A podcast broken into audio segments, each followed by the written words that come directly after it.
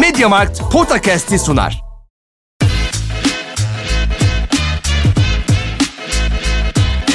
Potakast. Kaan Kural ve Orkun Çolakoğlu'yla NBA gündemine haftalık bir bakış.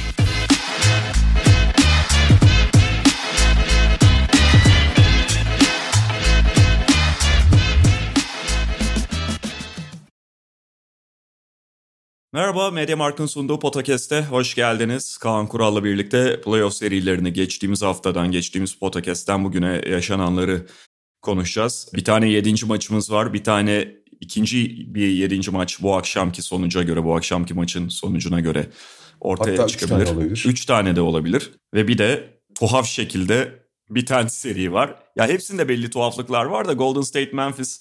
Memphis zaten bu sezonu, bu playoff'ları anormal geçirmeye başından itibaren and içmiş bir görüntüde. Hepsini konuşacağız. Alkol virali gibi takım ya. Hakikaten öyle. Yani e, bu bazen kendilerine de yarıyor. Onu da söylemek Doğru, lazım. doğru. Yani e, beraberinde sarhoş ettiğini de götürüyor Memphis. Aynen Daha öyle. çok onlar daha böyle şey sağlam içici gibi durdukları için. Evet onlarla içmeye kalkarsan başın belaya giriyor abi. Aynen abi. Şöyle basketbolun yıldızlarına geçmeden önce elektronin yıldızları Mediamarkt'ta bunu duyuralım. Akıllı telefonlardan kahve makinelerine, tabletlerden televizyonlara aradığınız her şey. Özellikle hani kızınıza hediye alacaksanız. Bu sefer spesifik bir kampanya yok ama abi ar- arayan almak isteyen buluyor abi fark etmiyor yani. Aynen abi her şey bahane edilebilir. Doğru. Bizde valla biz- Nisan'da bahane çok. Şey yaklaşan karne falan. Babalar günü yaklaşıyor abi şimdi. Doğru. O, or- oradan da diyorum ya oradan da başımız belada. Peki abi hangisiyle başlayalım? Ya istersen Boston Milwaukee ile yok pardon sıralamaya Kralla ben başlayalım. aklım çok Boston Milwaukee'ye gittiği için sıralamayla gidelim değil mi? Evet evet. Tamam. Miami Philadelphia bu sabah bitti dün gece. Bu sabah nasıl e, ifade ederseniz bitti. Yani işte zaten Embiid'in ilk ma- iki maçta oynamaması orada ciddi bir güç dengesizliği yaratmıştı ki bu kısmını konuşmuştuk geçtiğimiz hafta. Embiid döndükten sonra iki maçı kazandı evinde Philadelphia bir anda dengeye getirdi. Fakat hem 5. hem 6. maçlar tekrar dengesizlik içinde geçti diyebiliriz. Yani 5. maçı Miami gerçekten çok rahat kazandı. Bu sabahki maç her ne kadar 9 sayıyla bitmiş gözükse de e, maç içerisinde 20'ye çıkan fark ve aslında 9 sayının gösterdiğinden çok daha tek taraflı bir oyun oldu. Ve zaten hani maçtan sonra konuşulan da James Harden'ın ikinci yarı görüntüsü. James Harden'ın bir eve gitme yani kapatma seriyi kapatma potansiyelli maçı daha berbat oynaması kariyeri bunlarla dolmuş durumda. Ve Philadelphia'nın en sonunda seri sonunda kadrosunun Miami'ye göre çok hani Danny Green'in de tabii maçın başında sakatlandığını söylemek gerekiyor. Çok güdük kalmasıydı. Doug Rivers da hatta maçtan sonra biraz topu oraya doğru atmış. Doug Rivers'ın koçluk kariyerindeki en iyi şeyi topu söylediğini uzaklaştırması yani kazma stoper gibi topu uzaklaştırma çabaları bence. Abi öyle zaten dün yani 8 tane falan manşet vermiş durumda. Hem topu oraya atarak hem Muazzam ya. İşte şey yani geçen e, şey Harden'ı koruyucu bir demeci var olması gerektiği gibi diyebiliriz ama geçen seneki Ben Simmons eleştirileriyle haliyle yan yana getiriliyor. Onun dışında ben aslanlar gibi iş yaptım burada. E, babalanması var, horozlanması var. yani hepsini alt alta yaz. Onun yanında Hocam. Embiid'in söyledikleri falan dün hani maçtan çok bir şey çıkmadı ama maç sonrasından 15 tane falan farklı manşet çıktı herhalde. Abi tam kazma stoper ya. Tam işte yani uzaklaştırdığını zannediyor ama daha beter şey baskı yiyor o böyle topun gelişi güzel vurduğu Tabii için. tabii yani. ama yani şey Dark Rivers biraz baskı yiyoruz olabilir şey. Böyle işi mi yaptım kardeşim? Geçen Orta hafta İsmet kafam- Arzuman Alın ter bu ter. ter bu ter. evet abi yani dediğimiz gibi hani üçüncü maçtan sonrasını konuşacağız ama tabii bu noktadan sonra seri de bittiği için biraz bitişiyle ortaya çıkan tablo tabii ki daha ağırlıklı konumuz olacak. Sen nasıl başlarsın?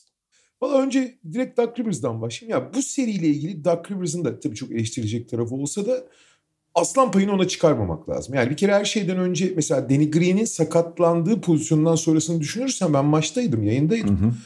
Abi Doug Rivers'ın yerinde olsan ki ne yapacaksın abi? Kimi sokacaksın yani? İşte Mattis Taibul'u sokuyorsun. 5'e 4 oynatıyor. Yani bir de abi şöyle bir şey var. Şimdi seri ilerledikçe şöyle bir denge oluşuyor. Yani üst düzey takımlar arasında konuşuyorum.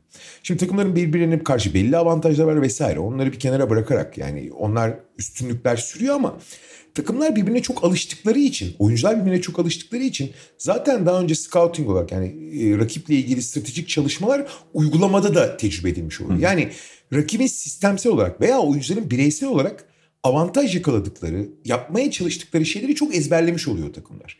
Bu da doğal olarak genel sistemin ürettiği, yani Philadelphia, Miami, Dallas fark etmez. Onların ürettiği, üretmeye çalıştığı şeyleri daha fazla önlem almaya başlıyor. Bu üretimler düşmeye başlıyor. Hı hı.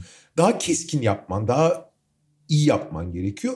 Ve bu da tabii genelde bunu üretebilecek yani pozisyon doğaçlama üretebilecek ve pozisyon üretebilecek oyuncular yani. Seri ilerledikçe bu dengeler oturdukça yıldız oyunculara çok bakmaya başlıyor. Yani yıldız oyuncu üretirse üretiyor. Yani ve diğerlerinin üretimi azalmaya başlıyor sistemin üretti. Burada e, asıl kritik noktalardan biri de yerleşik sistemler etkinliği azaldığı için transition'a daha yüksek hızla çıkan, daha fazla transition oynayabilen takımlar. Yani açık sahada yerleşmeden doğaçlama oynayabilen takımlar daha fazla şey üretebiliyorlar. Tabii ki en önemli varyanslardan biri basketbolun geldiği yerde 3 sayı yüzdesi. Bu da mesela iç saha takımlarının başarısını çok ön plana çıkaran bir durum. İç sahada çünkü özellikle rol oyuncuları, şütörler çok daha güvenli oynuyorlar. Hı hı. Çok daha rahat atıyorlar. O ortam onlara daha iyi geliyor. Ve özellikle yani bu faktörler çok belirleyici konumda. İşte zaten hani serilerde iç saha dış saha eşleşmesi. Çünkü Amerika'daki şey tribün kültürü öyle çok etkileyici bir tribün kültürü yani bir iki tane istisnai takım dışında pek yok. O oyuncuların özgüveniyle alakalı ve hani serinin ilerlediği noktalarda e, bu işte üç sayı varyansının daha güvenli atma anlamında önem vermesi, daha baskın oynama, daha transition'da daha büyük bir e, şeyle çıkıyorsun. E, buralarda avantaj yakalıyor. Şimdi bunu şey, genel olarak söyledim. Hani diğer serilerde de bu bence çok ön plana çıkan. Daha doğrusu artık 4. 5. maçlardan sonra çok daha öne çıkan faktörler bunlar belirleyici olarak. Şimdi bu seriye geri dönersek abi ilk 4 maç itibariyle ikisinde Embiid yoktu ikisinde vardı. Ama Embiid var ama %50 ile oynuyor abi adam. Hani ne kadar acı çektiğini görebiliyorsun. Beşinci maç mıydı? Dwayne Dedman bir topa vurdu. Top maskeye geldi falan. Bayağı kıvran. Yani hakikaten göz, yani ne kadar acı çektiğini görebiliyorsun. Artı hani acı çekmesini falan bırak. Üzerinde taşıdığı yük ortada. Fakat abi iki maçı şey kazandı Miami. İki maçı Philadelphia kazandı Embiid'li. Abi bu maçlara baktığın zaman öyle ya da böyle güç şey oldular. Hani belli bir maç oldu. Hı hı. Son iki maç bu yüzden farklı. Şimdi evet. tekrar Danny Green'e dönersek. Danny Green çıktığı zaman abi kimi sokacaksın tamam mı? Matisse Taybul, George Niang, Shake Milton, Paul Reed, Başka kim var? Ya bunların herhangi birini soktuğun zaman bir şey değişmiyor. Niang zaten çok özgüvenini kaybetmiş. Hiç atamıyor. Taybul 5'e 4 hücum ettiriyor. Burada yapabilecekleri yok. Aslında mesela Doug Rivers çok mantıklı bir şey yaptı. İkinci maçtan itibaren savunma baskısını ki dış savunmacıları çok güçlü olmaması rağmen Taybul'u hariç. Hero'ya sürekli sıkıştırma getirdi. Hero buralarda çok büyük hatalar yaptı. Hero çok kötü bir seri geçirdi ve burada Philadelphia savunmasının ve açıkçası e, teknik ekibin tercihlerinin bir başarısı Hı. var. Yani bunun gibi yüzlerce örnek var. Yani hepsinde başarılı oldu demiyorum. Ama e, eli kolu bağlanmıştı biraz da. Fakat şeye dönersek yani işte hı hı. serinin gidişatı. Son iki maça bakıyorsun abi. İlk iki maçtan çok daha farklı oldu son iki maç. Özellikle dördüncü maç bence Miami'nin tekrar kontrolü ele alacağı maçtı. O maçta inanılmaz kötü şut attı Miami. Hani 33'te 6 üçlük attılar ki ligin normal sezonun en yüksek yüzdeleri üçlük atan takımı. Deplasmanda olum fark var. Mesela o maçı Jimmy Butler efsane oynadı. Hani bu playoff'ların en görkemli maçlarından. Yani oyun iki tarafında da hücumda da savunmada inanılmaz Hı-hı. işler yaptı yani Jimmy Butler. Hani yıldızdan istediğini aldın ama bir transition'e çıkamadın ki zaten Miami çok transition'e çıkmıyor. Ve üçlük atamadın. Ve o maçı özellikle James Harden playoff'lardaki tek doğru düzgün yani doğru düzgün derken tek üst düzey maçını oynadı. Hani hakikaten Houston Harden gibi oynadı. Ve bir şekilde Miami'de üçlük atamayınca kazandı. Ama öyle ya da böyle bunlar maç gibi oluyor. Abi son iki maç maç gibi olmadı. Asıl sorun o. Yani takım o kadar düştü ki enerjik olarak. Başta James Harden olmak üzere. Hı hı. Şey gibi yani Tyrese Maxey'nin yani NBA'nin en süratli oyuncularından biri. Onu görüyorsun bir şey var bir hani çaba falan var ama genel olarak şey gibiler abi. Yenilmek başka bir şey, yenilgiyi kabul etmek başka bir şey. Ha, bitse de gitsek gibi oynuyordu şey Philadelphia. Abi şeye bakıyorsun işte Miami genel olarak zaten üst düzey bir hücum takımı olmadığı için Evet. Genelde yani çok savunma artırdı. Savunmayla tutup belli periyotlarda iyi bir iki dönem yakaladığı zaman küçük serilerle maçı koparıyor. Abi şey 5. maça bakıyorsun Miami'deki maça. Maçın başında bir 16 üçlük seri var. Üçüncü çeyrekte de bir 18 dörtlük seri var. 16 üçlü 15 sayıyla geçiyor. Üçüncü çeyrekte de 18 dört yapıyorlar. kafa kafaya giden maç bir anda önce 15 sonra 30 oluyor. Bitti orada. Fakat Philadelphia'da bir isyan, bir çaba, bir şey göremiyorsun yani. Şimdi Embiid'in varlığı var ama Embiid o kadar etkin değil. Zaten onu illa pota altına kullanmak zorunda. Çok şutuna yani hem parmağındaki sıkılayım yüzünden şey olmuyor. Sonra abi son maça dönüyorsun. Ulan hani 2-2'ye getirmişsin 3-2 olmuş son maç. Abi sezonun bitiyor ya. Bundan daha büyük bir efor istiyorsun. Abi James Harden tüm ikinci yarıda iki tane şut kullandı abi. Maç sonunda soruyorlar hani çok az top kullandı. Ya biz oyun sistemini oynuyoruz top bana geri dönmedi. Ya kardeşim hani adam mı kandırıyorsun abi? Sen James Harden'sın lan. Sen ne zaman ha, Oklahoma City'de 6. adam statüsünde olduğun günlerden beri sistem içinde top sana gelip senin şut kullanmışlığın yok. Sen zaten karar verensin ve step back'le işte side step'le savunma yani sistem bir şey üretmeden sayı üretmek üzerine kariyerini kurgulamış bir adamsın. Kime ne anlatıyorsun yani? Hani dalga mı geçiyorsun derler adama. Abi Harden daha doğrusu Philadelphia 6. maçta bak bundan daha acayip bir rakam yok bence. Tüm 6. maçta 7 tane serbest atış kullandı abi Philadelphia. Harden sıfır bu arada. Yani şimdi abi böyle bir hani savunmayı hiç zorlayamadan her şeyi böyle gelip geliş güzel atarak hani nereye şey sezonu devam ettirme maçı oynuyorsun yani. Hani şimdi ilk iki maçta da çok zayıftın. Embiid yokken zaten çok sınırlısınız. Kadrosu belli. Embiid'in yedeği medeği yok. Tamam eyvallah da onlar maç gibi maçtı abi. Miami daha iyiydi sadece. Bir sürü şey sayarsın. Diğer iki maçta dediğim gibi birinde bir şans da biraz yanlarındaydı. Çok kötü zaten kazandın ama onlar da maç gibi maçtı. Abi son iki maçta yani 2-2 olduktan sonra tamam abi görevimizi yaptık bizden buraya kadar deyip hiç oynayamadılar. Hani Harden bunda en büyük sorumlu. Açık ara en büyük sorumlu. Son iki senede iki tane takım sattın abi sen. Şimdi gidip playoff sattın. Ya böyle şey olmaz abi. Ya ben biliyorsun Harden'ı çok özel bir yere koyarım. Yani bence dehadır. Ama sporcu değil abi. Ama bu sadece Harden'la ilgili bir konuda değil yani. Ya takım halinde düşüyorsun. Ha şimdi Harden topu asıl hakim olan oyuncu böyle olduğu zaman diğerlerini de aşağı çekiyor. Bir şey demiyorum ama genel olarak zaten dar bir kadrosun. Zaten belli mücadele böyle bir savunmaya karşı çok dikkatli olman lazım. Yok ama yani hani direkt teslim olarak iki maçta maç gibi olmadı ki. Şey gibi oldu Miami Miami'ye karşı idman vermeye gelmiş gibilerdi yani.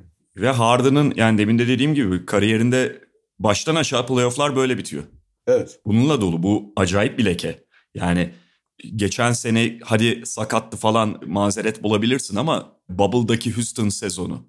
Ondan sonra ondan önceki bütün Houston'daki en son playoff maçları. Yani San Antonio'ya karşı bir tane berbat 14'te 3 mü ne var? O işte, seriyi de biliyorsun ilk maçta 30 küsür fark atmışlardı. Harden muazzam oynayarak başlamıştı. Tabii. Serinin 6. maçında gelmemişti Harden yani. Yani bu artık hani 1-2 değil istisna değil ya da böyle geçen seneki gibi sadece sakatlığa bağlanabilecek oradan mazeret üretilebilecek bir şey değil. Bu tip durumlarda Harden bir gerçekten sinip dağılıyor ikincisi kaçıyor. Evet evet. Yani ya zaten esas hikaye o. Tüm ikinci yarıda iki şut kullanır mısın abi?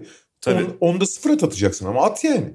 Artı yani iki şut falan bu sadece şut kullanma meselesi de değil. Sen de bahsettin yani demecinin ne kadar saçma olduğunu. Bu sadece şut kullanma meselesi de değil. Şut kullanmazsın ama topu kullanırsın.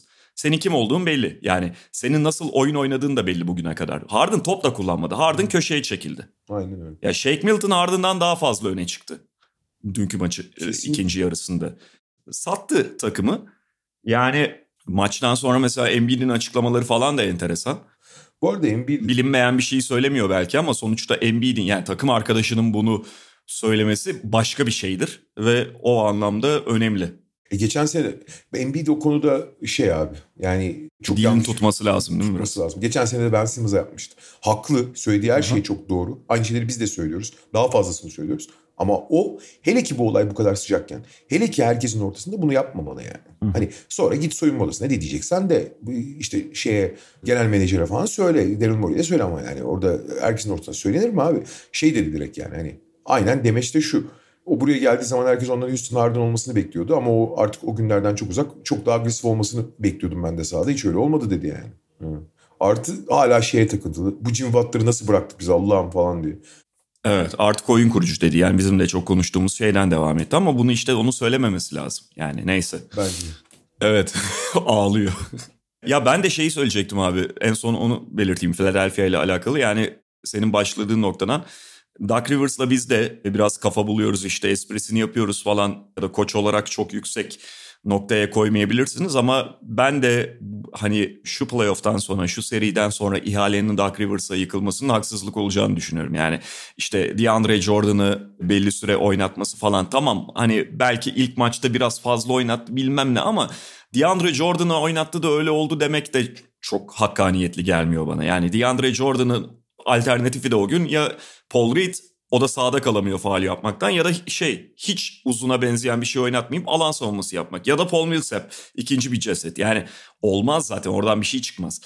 Ve sen işte az önce kadrodan bahsettin yani Danny Green de devre dışı kaldıktan sonra bu kadro gerçekten şeye çok eski Oklahoma City takımlarını falan anımsatıyor bana. Durant ve Westbrook etrafındaki. Yani bir de o da orada Ibaka'yı ekliyordun. Onun dışındaki kimse çift yönlü değildi.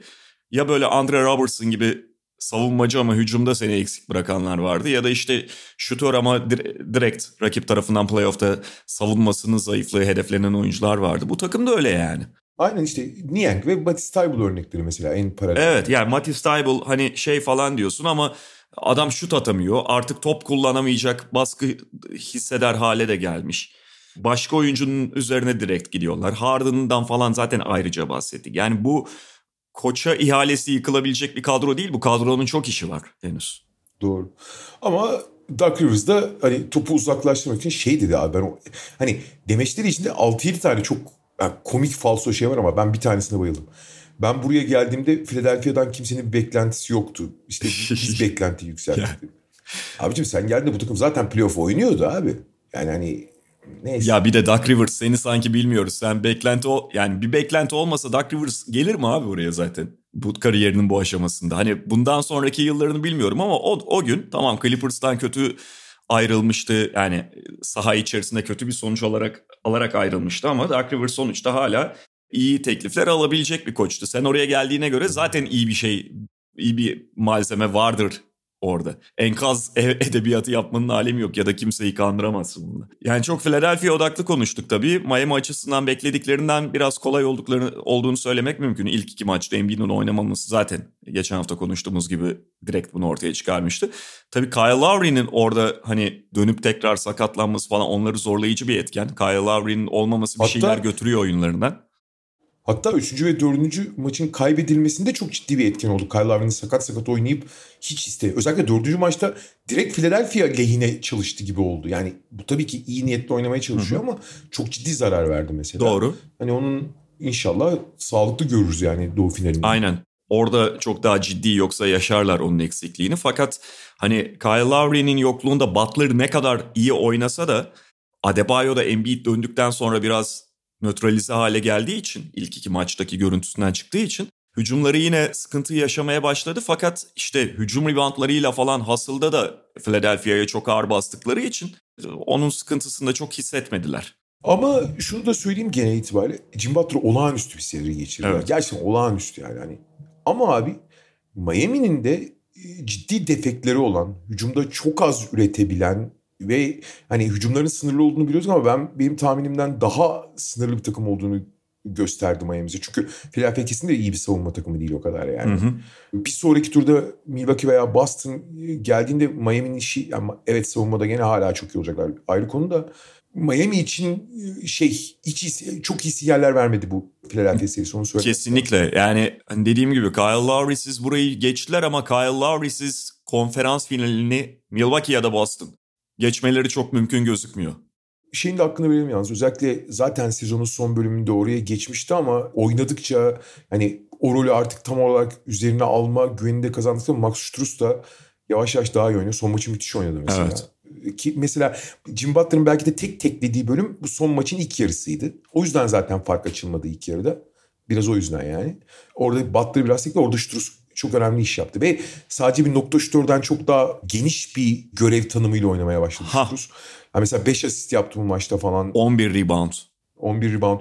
Potaya giderek oynadı falan. Yani daha komple bir kanat oyuncusu gibi oynadı. Ki e, yani daha önce biliyorsun e, tamam fizikli ve fiziği yüzünden savunmada Duncan Robinson kadar bir dezavantaj yaratmıyor. O yüzden oynatılıyor falan ve iyi bir nokta şutör deniyordu ama yani topla da oynayabileceğini, karar verebileceğini falan göstermesi başka bir seviye demek yani. Aynen ben de onu diyecektim abi. Yani Struz hani şutör olarak rotasyonda Duncan Robinson'ın yerini aldığı gibi çok yönlülüğü de onun önemli 11 reboundları falan belki her maç beklemeyebilirsin ama oraya katkı veriyor. İşte dediğin gibi bir 5 asist. Savunmada direkt olarak böyle kraker gibi yeriz bunu diyebileceği rakibin bir oyuncu olmuyor falan.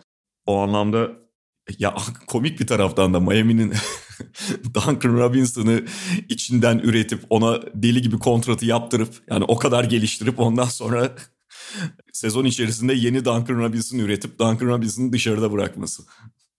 Daha iyisini yaptık. Daha iyisini yapana kadar en iyisi bu. Aynen. Daha iyisini yaptılar söyledim. Peki Boston Milwaukee serisine geçelim. Yani herhalde ikinci turun en güzel serisi olduğunu söyleyebiliriz. Kesinlikle. Şey diyorum ben ona ya. Box kartı diye bir kavram vardır ya hani arka arkaya maçlar yapılır. işte orta siklet ünvan maçı işte şey falan sinek siklet. Ha bu ağır siklet ya. Ya bu yani e, size hitap eder etmez ayrı konu. Hücum konusunda bence mesela çok üst düzey bir seri asla olmuyor. Bu tabii ki iki takımın da çok üst düzey savunma takımı olmasıyla alakalı ama aynı zamanda hani hakikaten onu da söylemek lazım. Bunlar elit hücum takımları değiller ikisi de. Yani iyi senaryolarda bile iyiler. Hı hı. Kontroller işte yıldızları var ama üst düzey hücum takımları değiller. Hı hı. Ama abi tam tam bir ağır siklet maçı ya. Tam tam yani. Ve enfes maçlar oluyor. Yani yoğunluğu, düzeyi, rekabetçiliği falan inanılmaz maçlar oluyor. Öyle yani şimdi hani Dallas Phoenix 7'ye gitti ama zaten izleyenler görüyor. Orada çok tuhaf bir senaryo var. Birazdan konuşacağız. Evet. Orada 7'ye gitti fakat geride kalan 6 maçın hiçbiri yakın olmadı. Burada 7'ye gider mi bilmiyoruz ama 7 lezzeti veriyor verdi şu ana kadar. Yani evet. işte 5 maç geride kaldı. En yüksek fark zaten 12. Pardon şey arada şey var. Boston fark hattı var pardon. Ama son 3 maç çok daha yakın geçen maçlar. İlk maç yine belli, belli ölçüde yakın geçti falan. Ve yani şunu da söylemek lazım. 3-2 Milwaukee önde ve benim gördüğüm en enteresan hani 5 maçlık sonuçlardan biri bu. O sahada izlediklerimden evet. sonra. Yani kazandıkları 3 maçın ikisinde büyük ölçüde transition'dan, rakibin transition savunmasındaki açıklardan, za- zaaflardan falan faydalanıp bir avantaj elde ettiler. Yarı sahada hücumları, deva- e, problemleri devam ederken. Ve son maçta da yani tamam fark belki böyle 20-25'lere çıkmamıştı ama Boston tamamen kontrolde gözüküyordu son periyoda girildiğinde. Tamamen maçın kontrolünü almış gözüküyordu. Milwaukee'nin hücum yani yarı sahada tamamen tıkandığı bir maçtı. Ve yani bir ihtimal vardı. İzlerken de o çok aklına gelmiyordu. Buradan sonra içeriden çünkü istediklerini alamıyorlar. Antetokounmpo'yu oraya istedikleri gibi tam sokamıyorlardı. Ya da sadece Antetokounmpo'nun taşıyabileceği bir yük değil. Dışarıdan şut sokmalılar. Ama o ana kadar da iyi sokamamışlar. İkinci yarı, yani üçüncü periyotta biraz daha kısmen düzelseler çılgınca şut sokup son çeyrekte maçı çevirdiler. Yanına savunmayı da koyup. Ya şöyle işin ilginç hani kazandığı 5. şey 4. maçta da Boston'ın bu sefer Milwaukee daha hı hı. özellikle Antetokounmpo inanılmaz bir maç oynamıştı orada.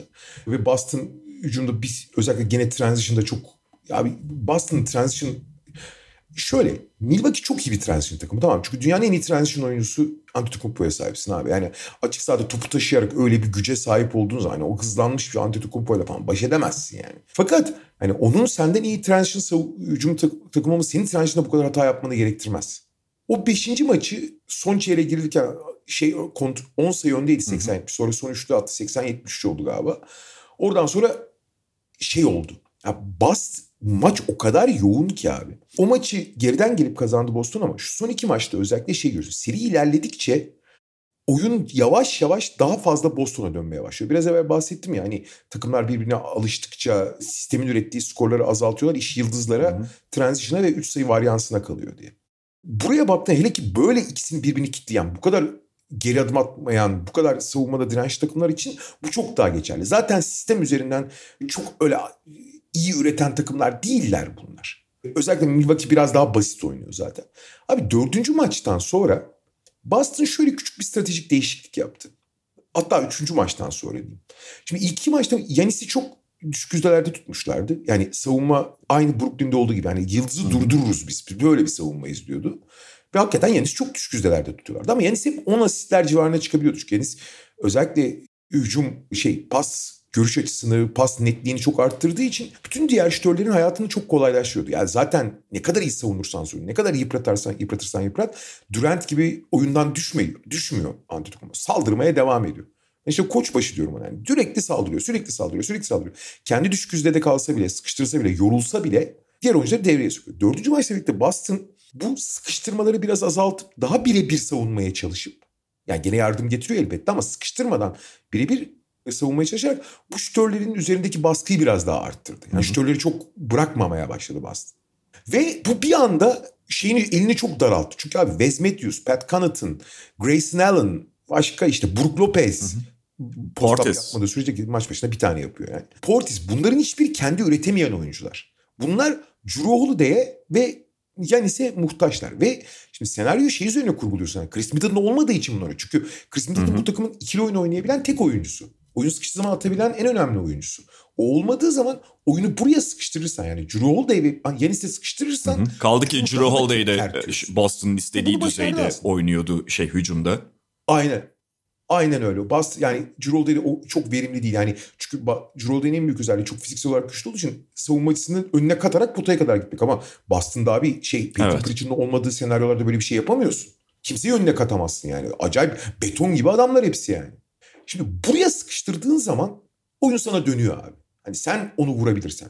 Beşinci maçta hiç transition atamıyordu Boston. O yüzden çok geride kaldılar. Üç sayı yüzdesi de Şey Milwaukee diyorsun Gene 5. iyi, maçta. iyi değildi. Fakat abi dördüncü maç için konuşuyorum ben. Bir önce kazandığı Boston'ın kazandığı Tamam. maç. Oyun artık bence çünkü Boston'a dönmüştü. Fakat abi oyun o kadar yoğun oldu ki anormal yoruldu Yanis. Yanis son çeyrekte yürüyemeyecek hale geldi. Yani korkunç. Çok fazla dakika oynattılar. Budenholzer zaman zaman eleştiriliyor ya 40 dakikanın üstüne oynatmıyor diye. Ama abi bu seride taşıdığı yükün haddi hesabı yok. Ve Budenholzer'da dördüncü maçta ile, birlikte bu ana stratejiden yani seriye başladığı stratejiden biraz vazgeçmedi. Strateji ne bu Milwaukee'nin A planı? Abicim Brook Lopez işte uzun kalırız sağda. Pota altı çok kalabalık olur, çok büyük olur. Kimse oralara giremez. Üç sayıda da belli şütörlere hiç izin vermeyiz ki bu Grant Williams oluyor genelde. Yani Boston'ın tek elit şütörü. Onu yakın savunuruz. Diğerlerine izin veririz. İçeriden dışarıya açılırız biz. Ama bu yalanı atamazsın. İlk maç biliyorsun Boston gitti duvara çarpıp çarpıp geri dönmüştü. Fakat Boston hemen adapte olduğu için artık potaya kadar gitmiyor Boston. Yani orta mesafeden atıyorlar direkt. Ya da oradan dışarı çeviriyorlar topu tekrar. Daha hücum bir şeyler üretmeye başladı. Yani Brook Lopez'in olması, o içeride büyük kalmak, içeride kalmanın e, yavaş yavaş dezavantaj yarattığını gördük. Brook Lopez'in dakikalarını çok azaltmaya başladı. 20 dakika mı ne oynadı dördüncü maçta zaten. Fakat Yanis anormal yorulunca şimdi Brook Lopez'i devre dışı bıraktığı zaman ne oluyor abi? Yanis'in savunmadaki sorumlulukları da çok artıyor. Ve anormal yorulduğu için abi üçüncü çeyreğin son hücumunda Boston üçlük buldu. Jalen Brown attı galiba. O basket yani o 10 saniye kalan 5 saniye kalan öyle bir şey işte tam bilmiyorum. Ve tüm son çeyrek yani son 12 dakika 10 saniyede 46 sayı attı abi Boston. Ha burada gerçekten insanlık dışı bir performans gösteren Al Horford ki o nasıl bir bir mucize nasıl bir ortopedik mucize ben hiç algılayabilmiş değilim. Çok büyük fark yarattı. Evet ama sadece Al Horford'un insanlık dışı yani bir de abi son çeyrekte Yanis nefes alamayacak kadar yorulmuşken maç boyunca onunla bo- boğuşan 3 sene önce dizleri bitti diye bahsedilen Al Horford'un onun üzerinden smaç yapması falan hakikaten ortopedik bir mucize yani. Ka- Abi Al Horford Atlanta günlerinde bile birilerinin üzerinden kolay kolay Evet. smaç vurmazdı. Yanis'in üzerinden smaç vurdu ya. Kalkıp. Nasıl bir gençleşmedir bu yani? Ve 46 attılar abi 12,5 dakikada. Böyle bir seride 46 ne, nereye atıyorsun abi 12 dakikada?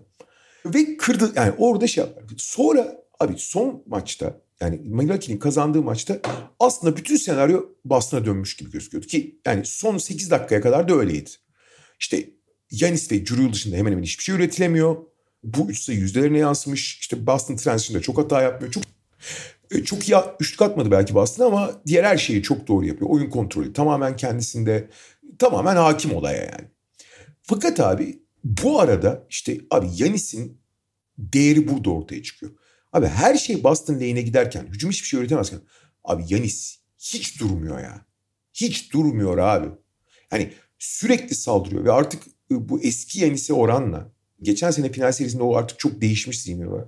O kadar net ne yapacağını bilerek oynuyor ki o kadar net bitiriyor ki bütün darbelere rağmen işte bir iki arada gene hücum foul yapacak yani çok kontrolsüz gidiyor ama abi çok net bitiriyor ya. Yani ve her şey Boston lehine gidiyor olmasa onun dışında sadece Drew Holiday bir şeyler üretip verimsiz üretirken diğer hiç kimse bir şey üretemezken maçta tuttu şeyi. Yani düşmedi maçtan Milwaukee. 30'a giderdi abi maç. Yani hakikaten Hı-hı. Yanis biraz direnç kaybetse 30'a giderdi maç yani. Ve maçı bir şekilde ve son çeyrekte abi sen de söyledin. Abi ilk çeyreği, e, üçüncü çeyreğin sonunda bir üçlük var. E, Yanis'ten geldi gene 2'ye 1 almak için. Abi son 7 üçlükte 7 isabet buldu ya şey. 7'de 7 üçlük attı Milwaukee. Yani bu, bu, bu acayip bir şey abi 7'de 7 evet. Fakat bu da yetmez. Bu da yetmez. İnanılmaz bir hücum rebound performansı gösterdiler. O hadi biraz Milwaukee'nin anlaştığı bir Boston burada acayip hata yaptı. Abi biraz da işin içinde şans da var. Abi o sondaki serbest atışta Jalen Brown'la Marcus Smart birbirine çarpıyor. Top Portis'in kucağına düşüyor. Yani hakikat ve ondan sonra da Drew savunmada olağanüstü işler yaptı. Yani o Marcus Smart'a yaptığı blok sonra topu sahada tutması falan tekrar tek kelime olağanüstü işler de yani herkes Drew maç sonunda yaptıklarını haklı olarak çok övüyor ki övülmeli de zaten. Ee, maçın en kritik üçlüğünü de attı bu arada. Bence en kritik üçlük onunkiydi. Bir, bir 40 kala falan. Hı hı. Bu arada Wes Matthews iki tane soktu. Onlar çok önemli. Pat Connaughton yeni stiliyle topu aşağı indirmeden direkt tepeden atıyor ya. Onunla attı. 7'de 7 üçlük attı. 7'de 7 ne abi ya? Ve işte sonda da abi Holiday'in savunması bitti ama kere maçı oraya kadar kopmamasının tek sebebi Yanis'ti. Ve abi basketbol böyle bir şey işte ya. Yani ma maalesef mi demek lazım? Neyse ki mi demek lazım? İyi ki de mi demek lazım? Abi bazen küçük çaplı mucizeler olabiliyor. Yani Milwaukee gerçekten çok büyük bir şeyle denk getirmeyle, başarıyla, şansla hepsinin toplamıyla çevirdi o maçı. İnanılır gibi değil o maçın dönmesi. Hani 8 dakika kala 14 sayı fark var. Şimdi 2022 basketbolun 14 sayının çok önemi yok ama bu seride çok önemli abi 14. Bu seride 14 kolay kolay kapanmaz. 1.40 kala 6 sayı öndesin abi. 1.35 kala. Abi 1.35 kala 6 sayı önde bu seride kolay kolay geri çeviremezsin yani. 1.35 kala 36 e, sayı öndeyken. Çok çok acayip döndü yani. yani ve Yudoka çok güzel bir şey söylemişti. Çok acayip bozulmuştur herhalde de. Altın fırsatı tepti Boston ya. Altın fırsatı yani. Ve bunu da şöyle söyleyeyim. Tabii ki Chris Middleton'ın yokluğu inanılmaz büyük bir kayıp. Ama Rob Williams, aslında Rob Williams'ız oynuyor. Onu da unutmayalım. Hı hı.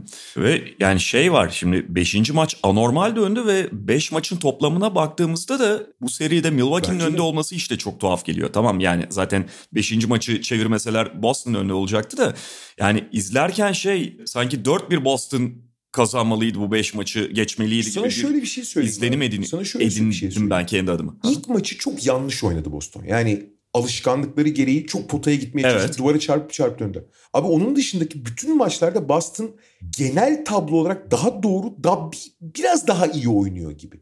Hele ki Abi tam onu söyleyecektim ben de. Sadece ilk maç bence net Milwaukee tarafından hak edilerek yani orada bir öyle ya da böyle Boston'ın yanlış e, hatalarıyla da olsa bir üstünlük var ama mesela üçüncü maçta şey Boston'ın bu arada iki dakika daha olsa maç kazanacaklardı şey üçüncü maç da Boston'ın daha üstün gözüktüğü maç. Beşinci maçtan şimdi bahsettik. Öyle bir tablo var kesinlikle katılıyorum. Ve sana. şey son iki maçta Budenholzer, Brook Lopez ana stratejisinden vazgeçtiği için Boston hemen adapte olup çok daha fazla potaya gidiyor abi. İki maçtır boyalanan sayılarında kafa kafayalar. Yanis'e rağmen düşünebiliyor musun? Yani Budenholzer'ın bu stratejik hamlesi aslında yani hücum o kadar sıkışmış durumda ki ve Boston adapte olduğu için savunmada da Brook Lopez bir işe yaramıyor. Bunu değiştirmeye çalışıyor. Biraz daha hani geniş alanda oynamaya çalışıyor falan ama bu Boston'da ekmeğine yağ sürdü abi. Hani Boston stratejik olarak daha da öne geçmiş durumda aslında. Ama abi spor böyle bir şey. Yani bir tane Yanis gibi oyuncu mu vardır seni taşır taşır taşır. Transition'da taşır. Yarı sahada taşır. Yani en azından hücum ettirir. Tek başına bir şeyler yapar ve bir yerde gelir bir denk getirirsin. Alırsın aşağı abi. Aldın da zaten yani. Üçüncü maç için aynı şey. Kesinlikle sana katılıyorum. Ve şu anda kendi evlerinde seriyi kapatmaya gidiyorlar yani. Evet yani bunu geçmişti geçen sene miydi hatırlamıyorum. Bir seride daha tam böyle bir şey düşünüyordum. Yani ben sana söyleyeyim. Maçları Bubble'daki Miami serisi. Olabilir. Olabilir. Orada galiba tam böyle bir şey demiştim. Yani maçları teker teker düşündüğümde Boston hala buradan çevirebilir ve daha şanslı olarak gördüğüm taraf diyebilirim. Ama abi 6. maçı deplasmanda oynayacaksın şimdi ve baskı hissedeceksin. Kazanmak zorunda olduğunu hissedeceksin yani. Evet, evet. Ve yani ya bir şey son maçın son çeyreğindeki kadar durağanlaşamaz Boston hücumu. Evet bu biraz Milwaukee'nin savunmasının ortaya çıkardığı bir şey ama sen o kadar durağanlaşıp birebir hücumlara çevirdiğinde Milwaukee'nin ekmeğine yağ sürüyorsun. Ondan sonra Milwaukee o uzun beşlerle seni kovalamak durumunda kalmıyor. Şey yapıyorsun Tatum'lar, Jalen Brown'lar upuzun adamların üstünden şut atıyor, orta mesafe atıyor. Boston'ın belki de en büyük zaafı bu abi. Yani Sana bir şey söyleyeyim mi? Abi çok ilginç ama Boston 8 dakika 9 dakika kala mıydı 14 sayı önde öyle bir şey. 9 dakika kala 14 sayı. ikinci çeyrekte 14 sayı, ikinci çeyrekte 14 sayı öne geçseydi çok daha iyi olurdu. 9 dakika kala olduğu için abi yavaşlatalım, abi sakin falan filan derken tamamen felç oluyor. Boston'ın buralarda oyun devamlılığı sağlayamaması cidden büyük problem. Bu- Burada Milwaukee'nin çok büyük payı var. Özellikle Holiday'in toplu oyuncuya baskı yapması, gerçek bir oyun kurucusunun olmaması vesaire gibi bir sürü problem var Boston'la ilgili. Yani hem Milwaukee cephesinden onu engelleyen hem de...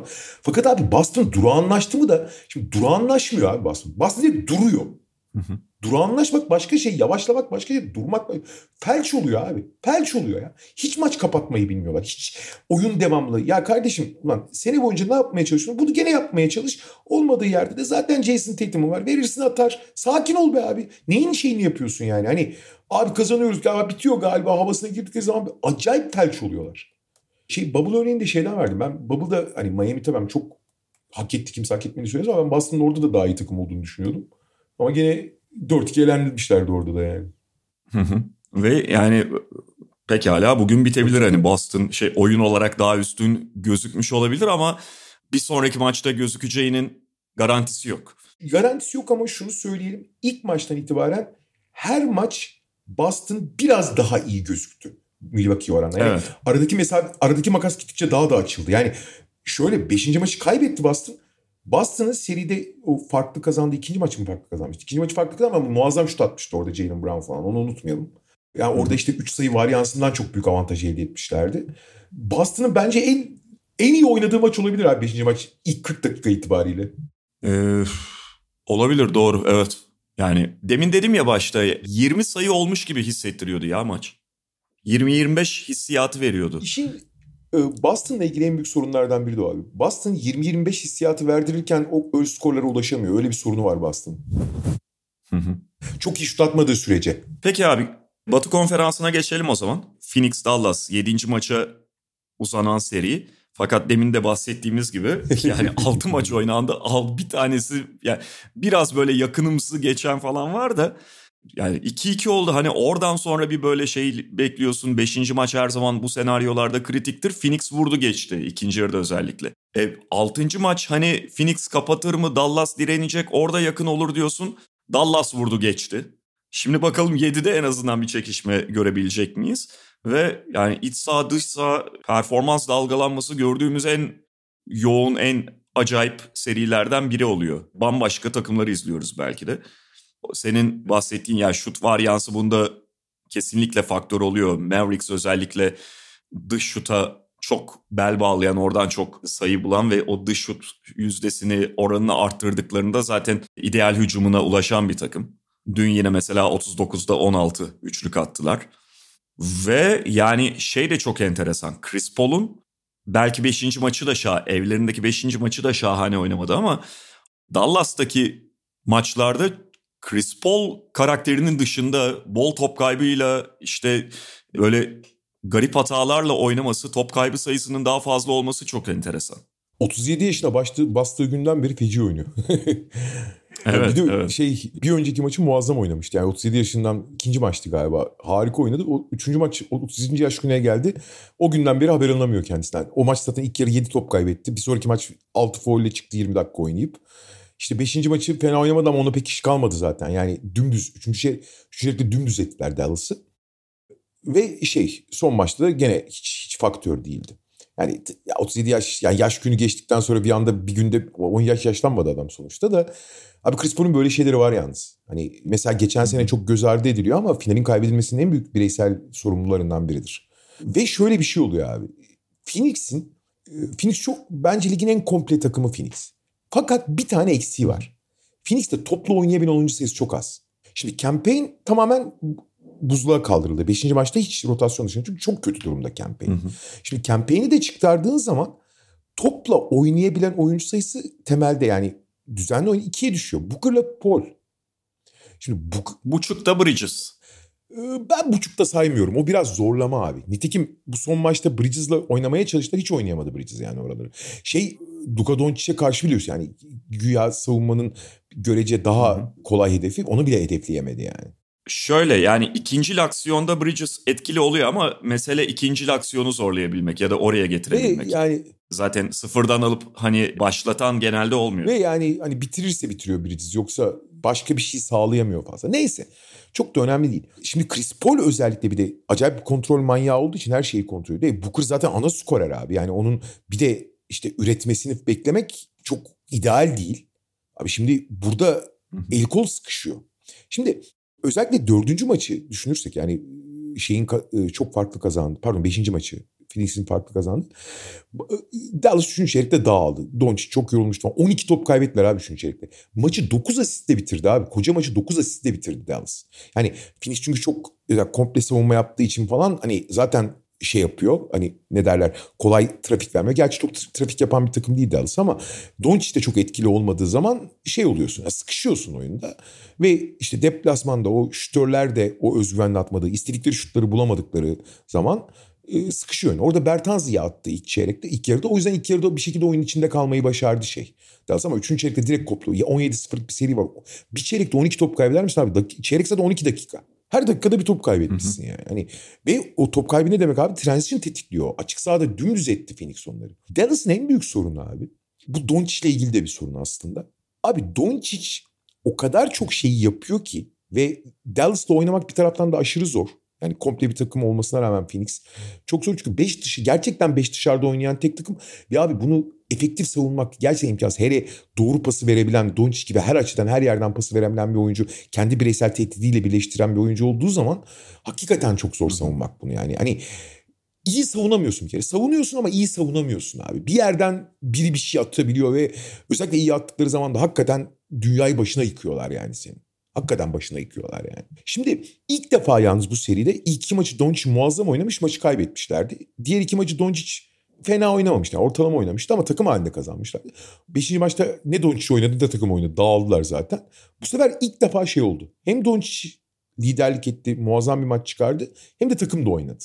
Yani daha doğrusu takım şey yaptı. Fakat burada son maçta değişiklik olarak yani şimdi Chris Paul'un düşmesi nasıl sıkıştırıyor Paul'ü konuştuk. İlk stratejik yani ilk değişikliği yapan seride şey olmuştu. Monty Williams. Campaign'i tamamen devre dışı bırakıyorsun. Şeyde DeAndre Ayton'un yediği olarak da biraz Bismok Biyombo'yu kullanmaya başladı. Hı hı. Beşinci maçta oynadığı şey. Sen hücum ederken. Eğer Ayton gibi bir bitiricin varsa Gober'den çok daha üst düzey bir bitirici yani sonuç itibariyle. Her yerden bitirebiliyor çünkü.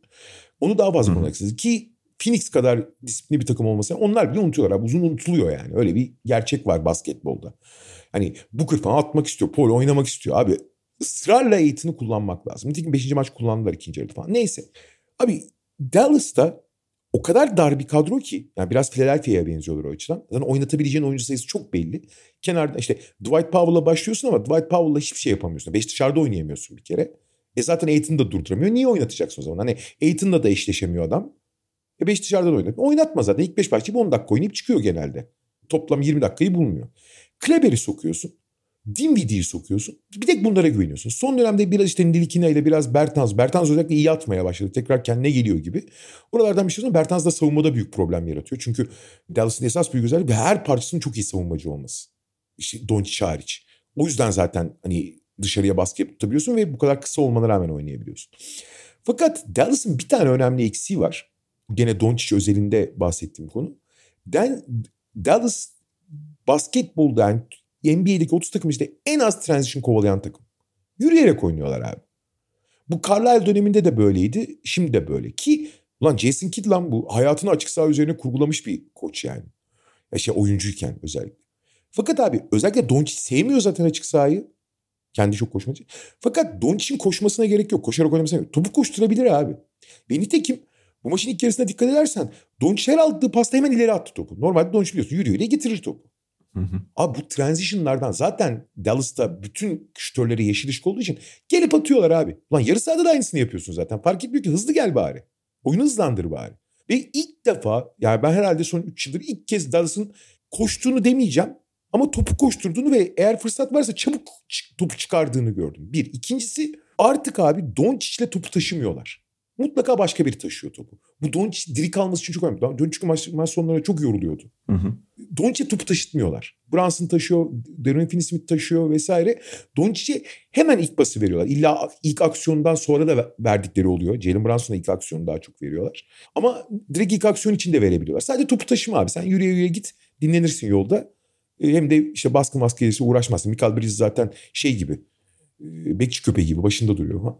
Abi bu ikisinden belli avantajlar yakaladı ama bunlar tabii esas belirleyici konular değil. Esas belirleyici Chris Paul. Ama buralarda hani dar kadroda yapabileceklerin içinde daha olumlu şeyler aramaya başladı Dallas ve bunların sonuçlarını da zaten maçta gördük.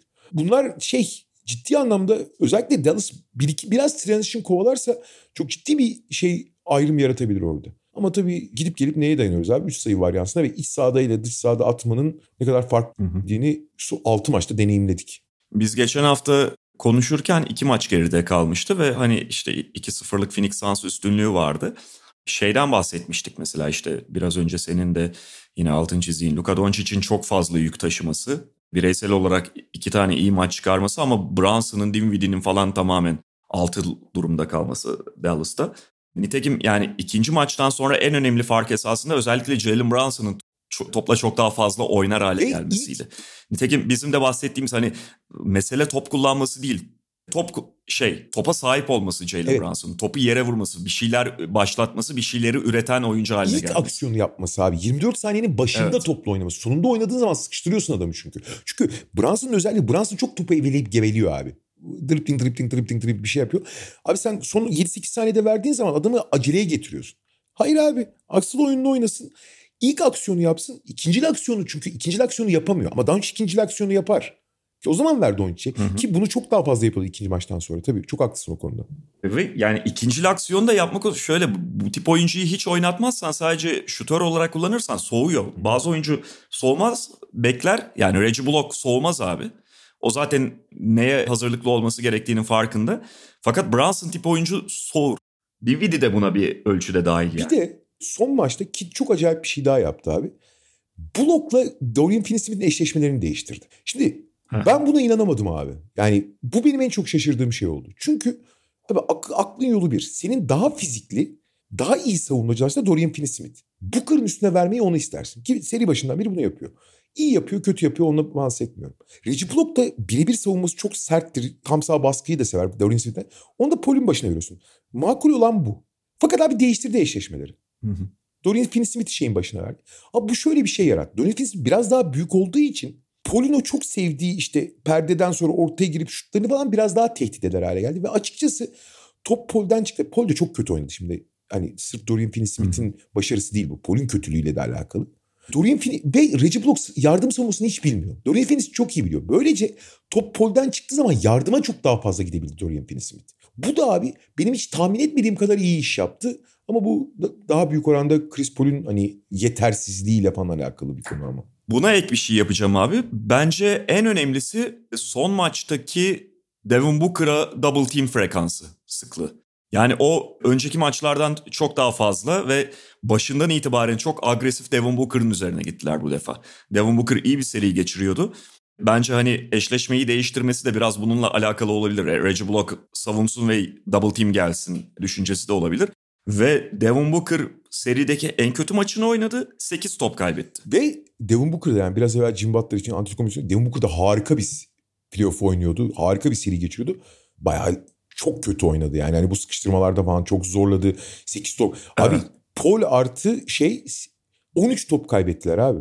Hani Aynen. Ve bu yani aynı zamanda... Zaten toplamda da 22 aynen. buldular. Bu aynı zamanda Dallas'ın transition'ını tetikleyen bir durum. Kendi hücumunu öldüren bir durum. Hı hı. Ve abi şimdi Paul böyle oynarken, campaign oynatılamayacak durumdayken bu bu kadar yardım eder. Topu yere vuracak oyuncu kalmıyor abi.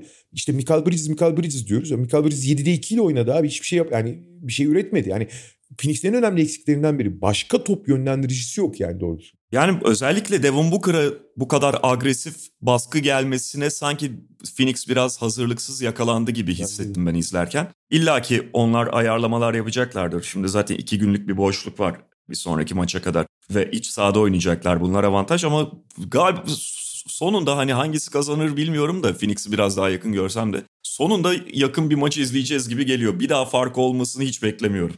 Belli de olmuyor be abi. Yani Dallas arka arkaya şut kaçırıyor. Bir anda işte onu tetikleyen hızlı hücum bir iki transition atıyorsun falan. İşte değişiyor. Bu arada abi Phoenix son maçta 16 üçlük denedi ya. Yani Dallas'ın anlısı Evet. tabii. Dallas'ın stratejisiyle alakalı. bu. Dallas Utah'a da aynısını yapmıştı. Yani ligin en çok üçlük atan takımlarını yüzde yani yarısında falan tutuyor neredeyse. Yani üçlüğe çok baskı yapıp içeri girmeye zorluyor.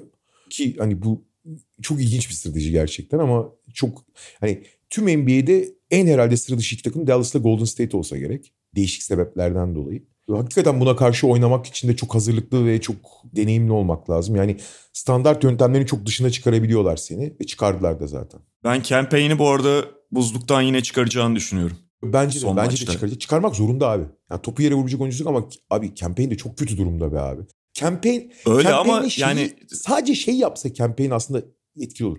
Campaign'in derdi biliyorsun. Campaign bitirmeye oynar. Yani deler ve bitirir. Hı hı. Abi bitirmeye değil delip bir pas vermeye oynasa bir pas yani tek pas. Delip Michael Bridges'a, delip Jay Crowder'a, delip işte Booker'a vermeye falan oynasa.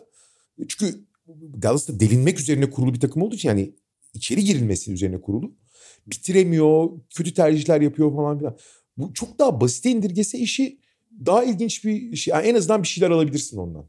Ve artı abi zaten hani adam kötü durumda, kötü oynuyor ama hakikaten muhtaçsın ona ya. Muhtaçsın yani. biraz şeye de denk getirmeye çalışabilir. Yani mesele sadece Luka Doncic'le eşleşmekten kaçılması değil ama ve hani 7. maç olduğu için Luka Doncic belki 43 dakika falan oynar bilmiyorum. Ama onun kenarda olduğu dakikaya denk getirerek biraz daha hani o anlamda rahatlatmaya çalışabilir campaign'i. Çünkü direkt hedefliyor Doncic. Fizik olarak hiç karşılık veremediği için. Peki Golden State Memphis'e geçelim abi. Biraz önce de söylediğimiz gibi yani sarhoş Memphis'in bir diğer sarhoş serisi oluyor. Ama abi söylediğini en büyük içici gidince ayıldılar biraz.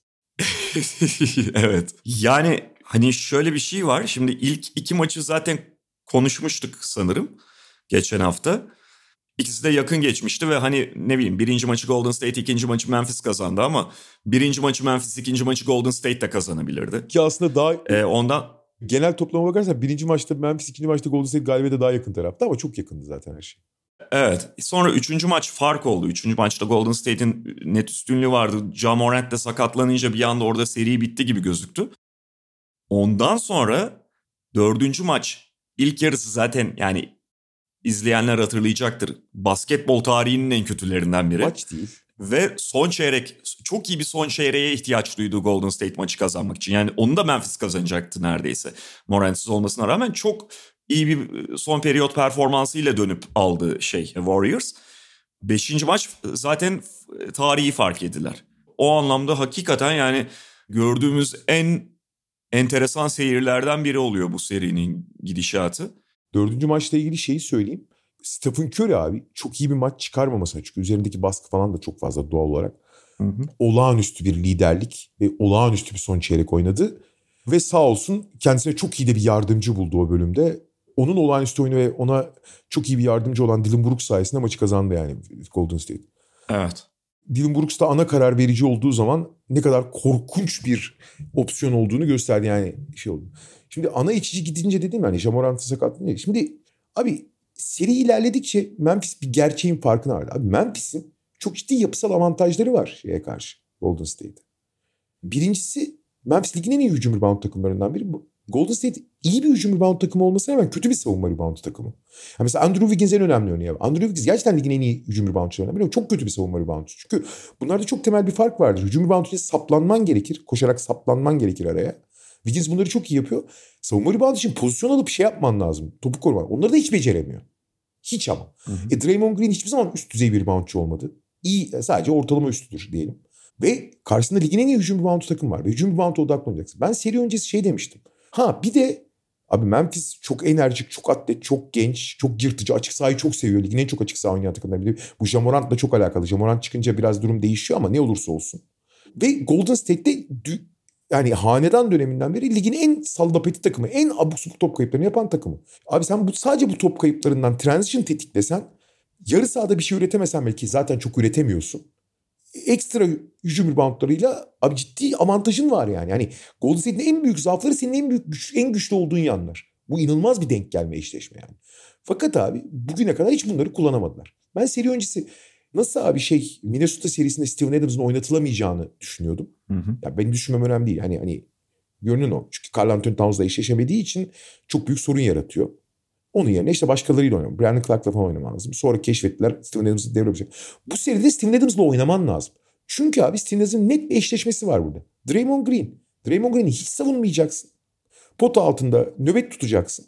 Çünkü Memphis'in şu an kadar yaptığı en büyük hatalardan biri abi bu kısaların tehdidinden korktuğu için ki normal. Boston çünkü Golden State'in 3 tane net skoreri var. Diğerlerinin hiçbiri skorer değil. Golden State'in en büyük sorunu da o zaten. Başka yerlerden skor bulamıyorlar. 3 net skoreri var. Bunlardan herhangi birinin kötü gününde olması, iyi savunması falan durumda çok tıkanıyorlar. Gerçekten tıkanıyorlar yani. Ki nitekim işte gördük Clay mesela şey maçı, üçüncü maçı berbat etti yani. yani dördüncü maçı pardon. Ritim bulmak adına. O biraz kötü o zaman. Fakat bu oyuncuları kovalayacağım diye sürekli peşlerinde koşup bu oyuncuların potaya gitmesine izin veriyorlar. Abi Stephen Curry kariyerinde hiç atmadığı kadar ikilik attı herhalde yani. Girip girip atıyor Stephen Curry. iyi oynadığı maç. Yani denk getirdiği maçlarda. Fakat pota altında kimse olmadığı için onları karşılaştırıyor. Şimdi Steven Adams oraları de- değişiyor. Potaya kadar gidemiyorlar. Oraları şey artı muazzam bir hücum reboundçı Steven, Adams. Onu oynatıyorsun. Hücum rebound alıyorsun deli gibi. Ve Jamorant olmadığı zaman Jamorant abi şeyin en büyük eksikliği aslında Memphis'in yani yarı sahada yara- yaratacak oyuncu. Hiçbiri yaratamıyor çünkü oyuncuların. Hiçbiri ama. Biraz işte hafif Jaren Jackson Jr. post-up yapabiliyor. Çok hafif yani çok ters bir eşleşme bulursa falan ama çok sınırlı. Onu da Draymond Green'le eşleştiği zaman hiç yapamıyor zaten. Onun dışında Dylan Brooks'un delilikleri. Dylan Brooks abi e, kettle gibi adamdır o. 5 dakikadan fazla sorumluluk verirsen su kaynatır yani. Direkt ki e, o sanırım 2 dakikaya düşmüş. Hızlı kettle olmuş. E Desmond Bain müthiş bir oyuncu. Sakattı. Gerçi onun toparlanması çok önemli ama o bir yaratıcı değil. O bir bitirici. Steven Adams yaratacak abi. Kim yaratacak? Brandon Clark mı yaratacak? Yok. Biraz Melton var işte. Melton'a da hiç güvenmiyor Taylor Jenkins. Biliyorsun Minnesota'nın hiç oynatmıştı. Bu seride oynatıyor kısaları kovalasın diye falan. Ama Melton dışında bir tek Ja- Jamorant var. Onları da bir yerde oynatamıyorsun zaten. Oynatmıyor daha doğrusu. Oynatabilir bu seride çünkü eşleşmeye göre. Yarı sahada hiç üretemiyorsun. Ama abi baba yapısal avantajları var. Çünkü Jamorant'tan sonra ve işte seri ilerledikçe, Steven Adams tekrar rotasyona girdikçe, rakibi anladıkça, yaptığı hatalar kafasına vura vura biraz da olsa öğrenince çok daha basit oynamaya başladı Memphis. Baba basit oynayalım. Perdeden çıkalım. Tyce Jones şeyin Morant yerine geçti. işte oynayacağını biliyor. Daha sakin ki iyi bir hücumcudur Tyce Jones. Savunmada belli problemler yaratsa da Jamorant'tan daha fazla yaratamayacağı kesin. Jamorant ligin en kötü savunmacılarından biri. Basit basit oynuyorsun abi. İşte perdeden Desmond Bain'i çıkarıyorsun. İşte iki, özellikle Steven Adams gibi müthiş bir perdecin olduğu için perde kaliten de arttı. Perdeden çıkarıyorsun, şut attırıyorsun. Resmen ortaokul seviyesi basketbol oynuyorsun. Oyna abi fark etmez ki. Zaten ciddi bir yüzde kırkının hücum. Abi beş topun ikisinde hücum reboundu alıyorsun zaten. Kaçırsan da tekrar deniyorsun yani. E, transition'a çıktığın zaman Evet, üç- transition'a çıktığın zaman çok rahat oynuyorsun. Ve bu bir anda abi abi sen şuna inanabiliyor musun ya?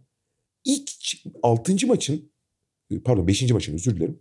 İlk çeyreğinin sonunda son bir dakikada 11. dakikada yani 29-28'di skor. Hı hı. 29-28 Memphis öndeydi.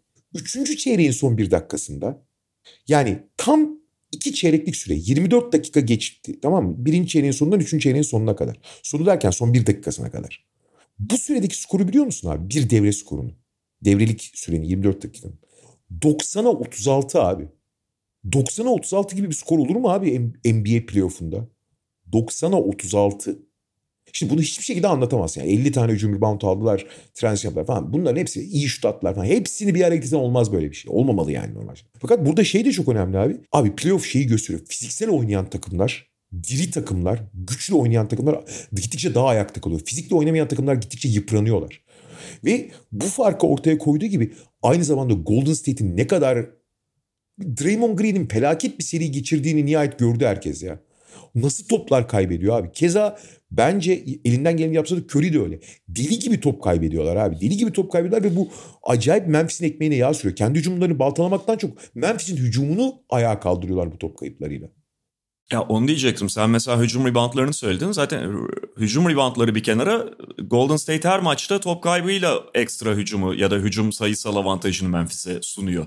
Ve yani son maçta o Memphis'in farkı işte 10 küsürlerden 20'lere oradan 30'lara taşıdığı bölümde saçma sapan top kayıpları var. Yani bir anda dağıldılar.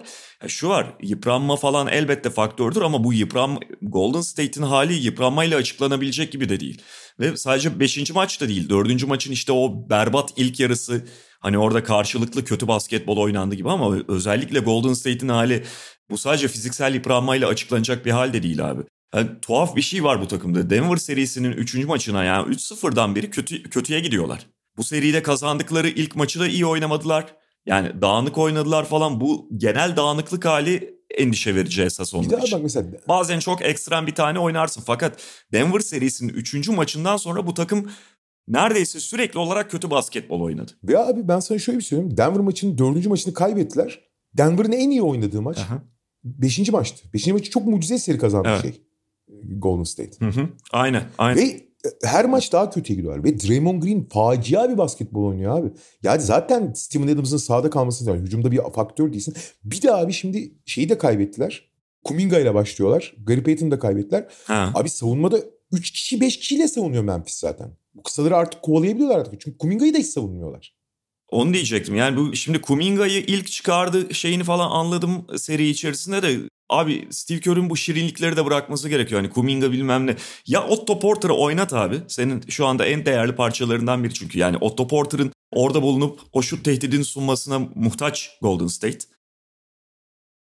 Orta Porter da sakatlandı onu da söyleyelim. Ve ne- nereden sakatlandı? Kendisini iki buçuk senedir basketbolun uzak tutan ayağından. Son duruma baktım orada. Dün şeydi abi questionable'dı ama oynayabilecek net bir şey yok. Ya da Kevin Looney ile tekrar başla. Hani Steven Adams'a bir karşılık ver. Ama abi Kuminga'ydı bilmem neydi. Takıma sirayet ediyor o dağınıklık. Ve abi ben buna inanamıyorum ama yani şunu söyleyeyim. Bir kere abi zaten biri sana şey dese ulan 24 dakikada şey fark... Ha bu arada şeyi de söyleyeyim abi. Hücum rebound ve top kaybı farkını. İlk, ilk yarıda 24 dakikada 21 fazla hücum yapmıştı Memphis. Top kayıpları ve hücum reboundlarında. Baba dakikada bir fazla hücum yaparak kim neyi kazanıyor ya? Bir eksik hücum yaparak. Böyle bir saçmalık olur mu? Üçüncü çeyrekte daha da art. Neyse. Şey biri sana şey dese 24 dakikada 54 fark yiyen bir takım var dese bunu hiçbir şekilde anla aynı ligin takımları değil dersin abi. Öyle şey olmaz. Hiçbir şey açıklayamaz bunu. Bir yanlışlık var derim. He, dersin sen bir yanlışlıkla.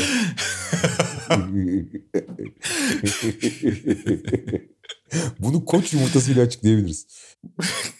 Bu, fakat abi şey yani gittikçe daha kötüye gidiyor Golden State. Mesela Jordan Poole falan tamam hani ilk turda falan çok alkışlanmıştı. Gerçekten iyi bir hücumcuydu ama abi fizik olarak falan hiç bu seviyede barınabilecek gibi değil. Herkes üstüne gidiyor. Hiç kimseyi savunamıyor. E zaten Golden State'in en önemli özelliklerinden biri Golden State iyi bir savunma takımıdır. Ya kardeşim Draymond Green'le Kuminga'yı tutuyorsan savunma da yapamıyorsun bu sefer ama. Yani durduramıyorsun da rakibi. Evet. Hani ne, nereden tutacaksın ha? Maçın neresini tutacaksın yani? Şeyi mi bekliyorsun yani? 37, 37'de 22 üçlük atmayı mı bekliyorsun yani? Kaldı ki 3'e 5 savunulurken böyle bir şey var. Ha şey diyecektim. Ben hayatımda böyle bir şey söyleyeceğimi düşünmezdim ama abi bu takımın skor opsiyonu çok sınırlı değil mi? Çok az kaynaktan skor alabiliyorlar. Draymond Green'den 10 sayı alamıyorsun. Şeyden on, yani Gary Payton oynarken alamıyordun işte. Bielitsa'dan şundan bundan alamazsın. Bir Otto Porter'dan 10 sa- sayı alabilirsin. Bir de Wiggins gene işte hani belli bir şekilde üretiyor. 3 tane guard artı Wiggins bir miktar. Abi Kevin Looney skor opsiyonuna dönüştü ya. Çünkü biraz da tabii Memphis'in kısaları çok kovalamasıyla alakalı. Devrildiği zaman Looney'e top veriyorlar. Abi Looney dediğin adam 3 sayıyla bitirir maçı yani. 8-9 sayıdan çıkıyor. Mecburiyetten o. Başka kimse atamıyor çünkü. Evet. Ve Golden State çok ciddi bir köşeye sıkışmış durumda yani. Fiziksel olarak çok yıprandılar. Çok fazla aşırı top kaybediyorlar. İşte Memphis bazı doğruları gördü. Basite indirgedi işi. Çok, çok fena ya. Gerçekten hani ben biliyorsun playoff başından beri Golden State en iyi gözükürken bile onlara hiç inanmıyordum. Hiç yani onların çok sorunlu olduğunu düşünüyordum. Ama yani acayip bir düşüş bu ya. Acayip bir düşüş yani. Memphis'in tercih konusundaki sorunlarını biliyoruz. Geçtiğimiz turlarla yani gene sarhoş olmalarından da. Ama şimdi abi Jamorant çıkarıp işte Tyus Jones ve Melton ana karar vericiler olunca Billy Brooks'un elinden topu alman lazım tabii. Hani gene derli toplu öyle çok yaratıcı maratıcı çok üst düzey değil ama çok basit basit oynuyor oynuyor. Lan zaten avantajım. Onlar zaten kendi kendine şey vurur yani. Top kaybederek bizim ekmeğimize yağ sürer deyip oynuyorlar takır takır. Valla şöyle söyleyeyim ben de son olarak abi. Ben hani bu seri için köşeye sıkıştıklarını düşünmüyorum. Bence bir şekilde ya bu akşam hatta bitirirler. Hatta yani görece rahat bir maç da kazanabilirler. Ama yani mesele zaten Morants'iz Memphis'i geçmek değil ve Dallas Phoenix'ten biri bekleyecek karşılarında. Bu kadar problemle orada Golden State esas sıkıntıyı yaşayacak ve hani bu top kayıplarıyla falan şansın olmaz zaten seri genelinde. Dallas'a da Phoenix'e de hiçbir şans olduğunu düşünmüyorum ben. Şansen de ben açıkçası abi Memphis'in bugün fazla eli ayağına dolanmazsa Memphis'in tur geçeceğini düşünüyorum hala. Ben zaten seri başından beri Memphis'in bu yapısal avantajlarını kullanabileceğini düşünüyordum da ben ben Memphis'in kazanacağını düşünüyorum ya. Ciddi söylüyorum yani. Yok, ben bugün dediğim gibi hani görece rahat da 25 falan olacak yine demiyorum ama Golden State işi bitirir diyorum ama yani işi bitirirken de bayağı hasar almış oldular. Bitirseler bile daha Ben doğrusu bayağı hasar almış olacaklar. Şöyle söyleyeyim abi. Golden State olağanüstü şut atmazsa Memphis kazanacak gibi düşünüyorum ben de. Peki bakalım. Böylelikle kapatalım o zaman. Kapatalım bakalım kaç 7. maç izleyeceğiz. İzleyeceğimiz 7. maçta ne olacak? Hı hı. Bir daha program yaptığımızda salı başlıyor şeyler. Konferans finalleri. Salı çarşamba İnşallah perşembe günü yaparsak ilk konferans finalinin ilk maçlarından sonra görüşmek üzere diyelim. Evet görüşmek üzere Mediamarkt'ın sunduğu podcast'te haftaya bakalım neleri konuşacağız. Kaç tane 7. maç ve konferans finallerinde eşleşmeler ne olacak. Hoşçakalın. Hoşçakalın. Mediamarkt Podcast'i sundu.